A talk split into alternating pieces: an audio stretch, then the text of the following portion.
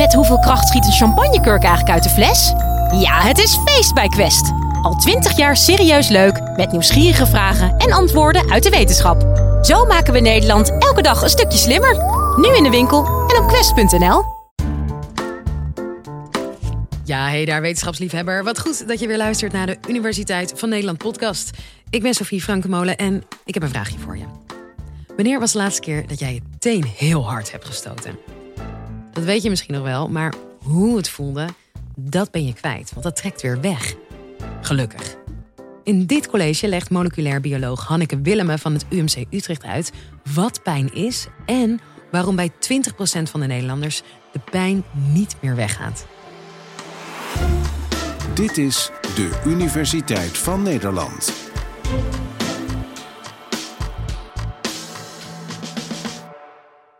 Als jij zou kunnen kiezen om nooit meer pijn te voelen, zou je dat dan doen?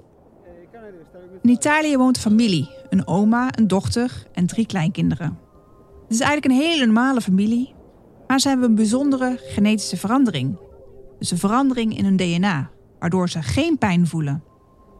Nu denk je van, dat is misschien ook wel iets wat ik zou willen, maar pijn heeft echt een hele belangrijke functie. Zo ging die moeder op skivakantie en tijdens de afdaling viel ze en brak ze haar schouder. Maar dat merkte ze niet. Dus de volgende dag werd ze wakker met tintelingen in haar vingers en ging ze toch maar naar het ziekenhuis. Ook haar kinderen raken regelmatig bijvoorbeeld een hete plaat aan, waardoor hun huid verbrandt. Maar dat zien ze pas als hun huid rood wordt, want ze voelen het niet. Wetenschappers wilden natuurlijk weten waarom deze familie geen pijn kan voelen. Met de hoop ook medicijnen te vinden voor mensen die juist de hele tijd pijn hebben. Dit noemen we chronische pijn. In dit college leg ik uit wat pijn is en geef ik antwoord op de vraag: waarom voelen sommige mensen altijd pijn? Waarom voelen we pijn? Nou, als wetenschapper heb ik daar een idee over, want pijn vertelt ons dat er in je lichaam iets aan de hand is, bijvoorbeeld een ontsteking of een wond. Iets aan je lichaam is dus beschadigd. Pijn is dan een signaal naar je hersenen toe dat je actie moet ondernemen. Bijvoorbeeld ga naar een dokter of neem rust. In die Italiaanse familie werkte deze waarschuwing niet en kwam ze dus veel te later achter dat haar schouder gebroken was. Wat gebeurt er nou precies in je lichaam als je pijn hebt? Nou, deze aflevering onderscheid ik twee verschillende soorten pijnbelevingen. Nociceptieve pijn, denk aan een botbreuk, een brandwond of een ontsteking. En dat wordt vaak gekenmerkt als acute pijn. Dus pijn gaat weer weg als het lichaamsdeel is genezen. Daarnaast kan nociplastische pijn ontstaan. Dat is vaak schade of verletsel aan je zenuwen.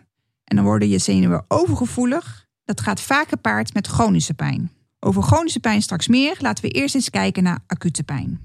Stel, je hebt een ontstoken teen. Wat gebeurt er dan in je lichaam om dat te voelen? Het begint met speciale zenuwcellen. De celkernen van deze cellen liggen naast je ruggenmerg en ze hebben hele lange uitlopers tot in je voet. En daar kunnen ze dan de pijn detecteren. Op de uitlopers van deze zenuwcellen zitten speciale receptoren. Dat kan je zien als kleine antennes die bijvoorbeeld mechanische of thermische veranderingen kunnen voelen. Denk aan druk of hitte of kou. Dus deze receptoren bepalen eigenlijk wat voor pijn je voelt. En als deze receptoren geactiveerd zijn, ontstaat er een elektrisch signaal dat door het hele zenuwstelsel gaat. En het zenuwstelsel bestaat uit een centrale en een perifeer gedeelte. Je hersenen en je ruggenmerg zijn het centrale gedeelte. Dat kan je eigenlijk zien als een soort van hoofdweg. En de periferie, zoals de naam al doet vermoeden, verbindt het centrale gedeelte met alle uithoeken van je lichaam. Dus een soort van kleine weggetjes naar het uiterste puntje van je tenen of van je vingers. Dus tijdens een ontsteking in je voet sturen de zenuwcellen een signaal naar het centrale gedeelte in het ruggenmerg. En daar wordt het signaal weer doorgestuurd via de hoofdweg naar je hersenen. Waar pijn echt wordt gevoeld. En tijdens een ontsteking kunnen deze receptoren extra gevoelig worden. Een kleinste aanraking doet dan al pijn. Een ander voorbeeld dat je zenuwen extra gevoelig worden, kennen we allemaal wel na een dagje strand. En dat je dan verbrand bent door de zon. Als je dan thuis komt en je neemt een douche, dan doet het warme water ineens pijn. Terwijl normaal gesproken warm water wel prettig is. Dus je zenuwstelsel is tijdelijk sensitiever geworden en geeft je een soort van waarschuwing. Smeer je volgende keer goed in. Normaal gaat gelukkig de acute pijn weg en een zenuwstelsel kan zich weer herstellen. Maar 1 op de 5 blijven een sensitief zenuwstelsel houden nadat er een ontsteking of een wond is geweest. Dus dan zijn deze receptoren niet goed afgesteld en gaan ze al af bij de kleinste aanraking. Dus dan heeft het niks meer te maken met de verwonding, maar is de pijn echt een ziekte op zichzelf geworden. Wat gebeurt er bij mensen met chronische pijn? Nou, de definitie van chronische pijn in de medische wereld is dat er voortdurende of terugkerende pijn is die langer aanhoudt dan een normaal genezingsproces en die langer dan drie maanden aanhoudt. Om een idee te geven hoeveel mensen in Nederland last hebben van chronische pijn, dat is 1 op de 5. Dus er zijn ongeveer 3 miljoen mensen. Dat is echt ongelooflijk veel. Een studie in Amerika laat zien dat de som van alle mensen die lijden aan chronische pijn meer is dan alle patiënten met kanker, diabetes, hart- en vaatziekten. En de verwachting is dat deze aantallen alleen maar gaan stijgen, omdat we steeds ouder worden en dus bijvoorbeeld slijtage aan gewrichten krijgen.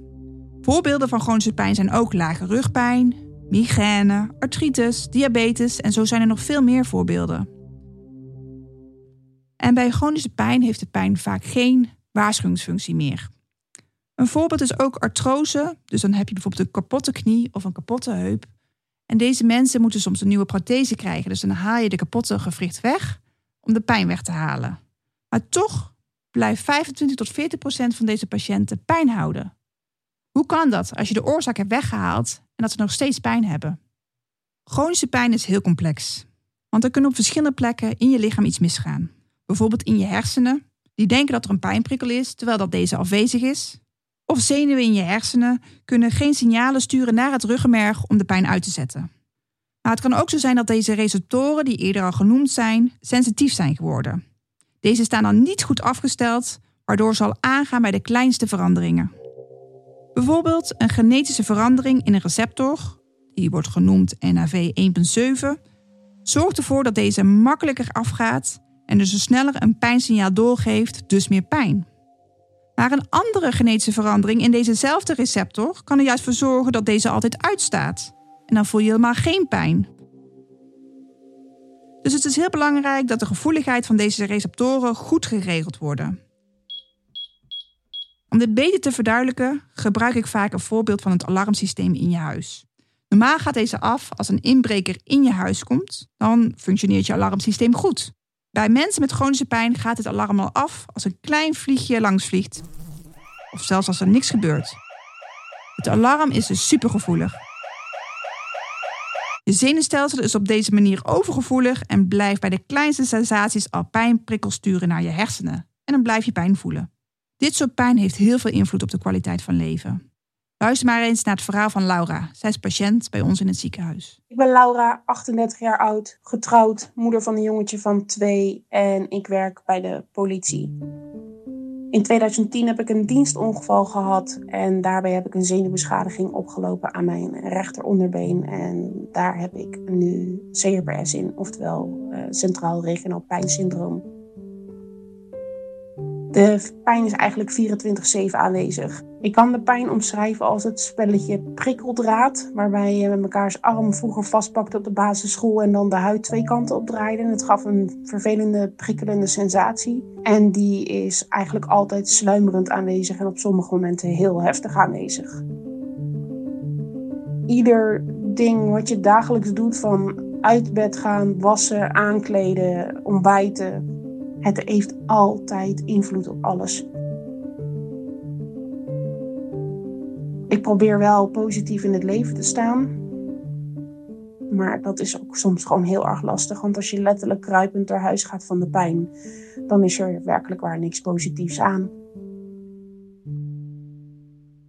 Nu hoor ik je denken: is er nou niks te doen aan chronische pijn? Want het is zo ontzettend belemmerend voor heel veel mensen probleem bij chronische pijn is dat het moeilijk te behandelen is. Bij acute pijn kan je bijvoorbeeld een paracetamol geven of morfine om de pijn te verzachten. Maar bij chronische pijn kan je dat niet elke dag geven, want het heeft vaak heel veel bijwerkingen en pijnmedicatie kan ook verslavend zijn. Momenteel zijn mijn collega's en ik aan het onderzoeken of we nieuwe aanknopingspunten kunnen ontdekken om nieuwe pijnstillers te maken die effectief en veilig zijn. En om die pijnstillers te kunnen maken moet je eerst goed begrijpen hoe normaal pijn wordt uitgezet. Want dan weet je mogelijk misschien wat er misgaat in deze chronische pijnpatiënten. Behoorlijk recentelijk hebben we ontdekt dat je speciale cellen nodig hebt om de pijn uit te zetten. Dit zijn cellen van het immuunsysteem, die dan het zenuwstelsel te hulp schieten.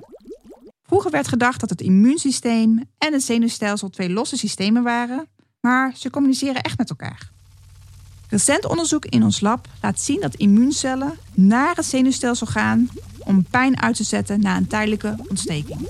Als deze cellen er niet zijn, wordt de normale acute pijn ineens chronisch. Dus de pijn verdwijnt niet meer. Dus deze immuuncellen zijn essentieel om de pijn uit te zetten. Toen we dieper gingen kijken, ontdekten we dat deze cellen mitochondriën doneren aan je zenuwcellen. En mitochondriën worden ook wel de energiefabriekjes van je cellen genoemd. Dit is heel interessant, want zenuwcellen hebben heel veel energie nodig. Want na een pijnprikkel is er een elektrisch signaal en dan is er ook weer energie nodig om die zenuwcellen weer tot rust te laten komen. Dit is een interessant en nieuw inzicht hoe pijn werkt. Hiervan leren we dat het sturen van deze cellen of energiefabriekjes naar het zenuwstelsel mogelijk een manier is om de pijn uit te zetten. Maar de vraag is dan natuurlijk: kunnen we deze energiefabrieken in onze zenuwcellen zo manipuleren om zo overgevoelige zenuwen weer te repareren? Dit zijn we momenteel verder aan het uitzoeken in ons lab. Om terug te komen op de beginvraag: waarom voelen sommige mensen altijd pijn? Nou, dat komt grotendeels doordat er veranderingen plaatsvinden in het zenuwstelsel, waardoor deze actief en overgevoelig blijft zonder dat daar echt een reden voor is. Pijn is heel normaal en een belangrijke waarschuwing dat er iets aan de hand is. Gelukkig verdwijnt deze weer bij de meeste mensen als het gevaar weg is. Dus volgende keer als je pijn hebt, als je bijvoorbeeld je hoofd stoot, denk dan aan die Italiaanse familie aan het begin van deze aflevering. Wees blij dat je lichaam je waarschuwt, want niet voor niets bestaat de uitspraak: pijn is fijn, alleen niet als het nooit meer weggaat. Je hoorde Hanneke Willemen. En ik weet niet hoe het met jou zit, maar ik ben volgende keer dat de pijn wegtrekt nadat ik meteen heb gestoten extra blij. Ik hoop dat je het een leerzaam college vond. En als dat nou zo was, word dan vriend van de show. Voor maar 2,50 euro per maand kun je ons al steunen. Met jouw hulp kunnen we twee keer per week een podcastaflevering blijven uitbrengen, zodat iedereen kan blijven leren van de allerleukste wetenschappers van Nederland. Dus waar wacht je nog op? Word lid van de nieuwsgierigste vriendengroep van Nederland via de link in de beschrijving. Dankjewel en tot de volgende.